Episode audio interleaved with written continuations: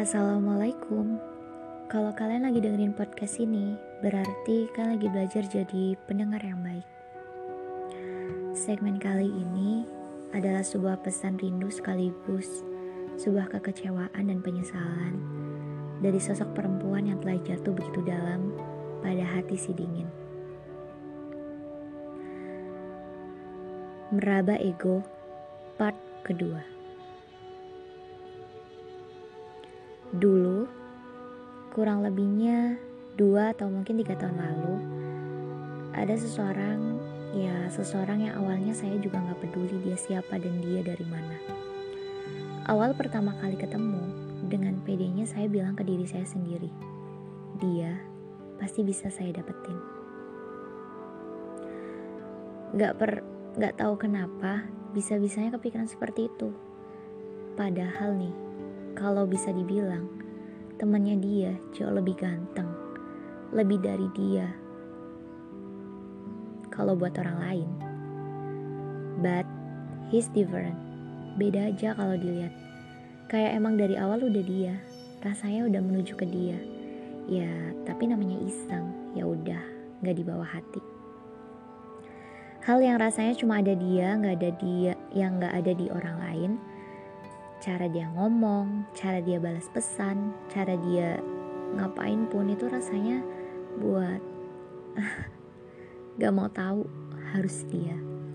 Rasanya pengen senyum terus, gombalannya yang garing, ngeselin, tapi bikin nagih.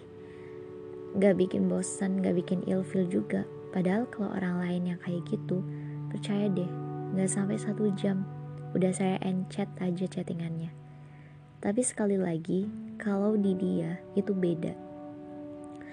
Beberapa bulan bareng gak ada yang namanya percakapan istimewa. Kita sama-sama dua orang asing yang gak pernah sekali sekalipun bahas hal-hal sepele. Sampai pada suatu ketika kita harus pisah. Pisah dalam artian gak bakal bisa ketemu setiap hari lagi. Sore itu pertama kalinya dalam beberapa waktu bareng, akhirnya dia ngajak pergi tapi cuaca nggak mendukung. Tiba-tiba aja hujan turun begitu deras. Terpaksa dua orang yang nggak pakai mantel di motor itu minggir ke sebuah gubuk kecil. Kalau dia mau coba egois, bisa aja dia ngelanjutin pulang pakai mantel yang dia bawa. Tahu nggak? Saya ngapain? Bingung. Bingung harus ngapain. Sedangkan dia sibuk telepon sama nggak tahu siapa, mungkin orang rumah. Ya udah aku diam sambil mikir nanti harus ngapain ya cit suara mobil. Gimana sih suara mobil? Gitu deh. Yang kaca depannya agak diturunin. Berhenti di depan kita persis. Sumpah waktu itu juga rasanya pengen kabur. Mau pulang. Satu mobil sama ayahnya si cowok ini. Eh enggak. Enggak berdua sih. Bertiga sama adeknya. Mampus. Nggak tahu mau ngapain. Yang pada akhirnya cuma jawab aja pertanyaan-pertanyaan dari ayahnya si cowok ini.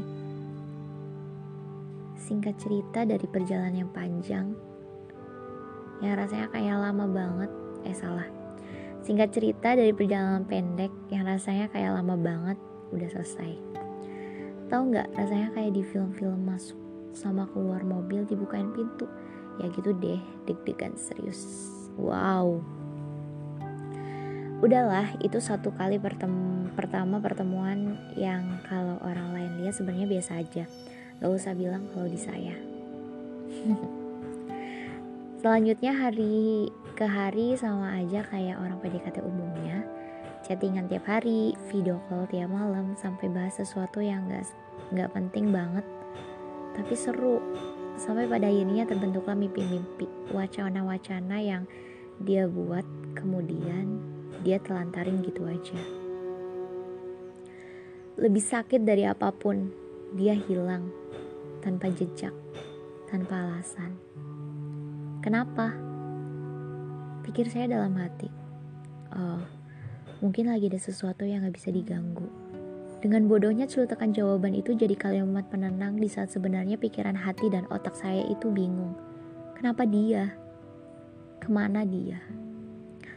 Yang pada awalnya muncul suatu kalimat harus di dia, sekarang berubah jadi Kenapa harus dia?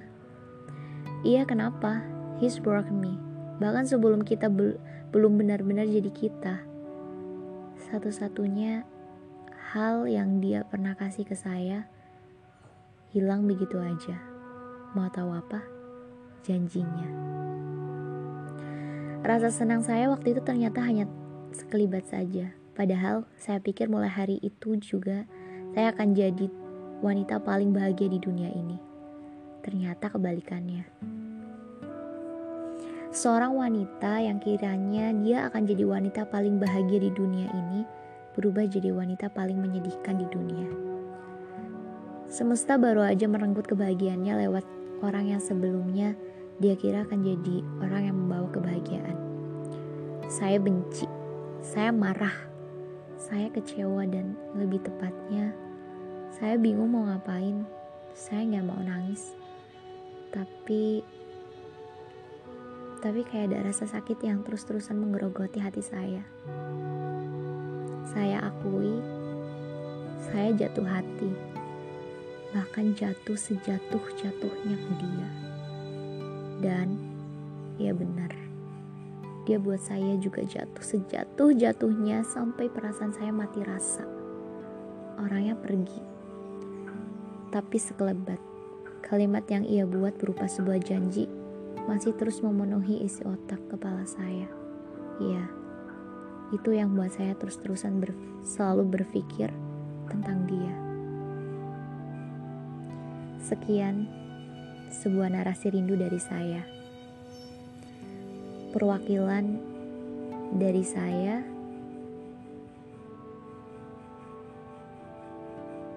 dengan cerita narasi yang dia beri ada sebuah sayatan rasa sakit yang saya baca dari pesan ini. Dan semoga dia tumbuh baik dengan mimpi barunya.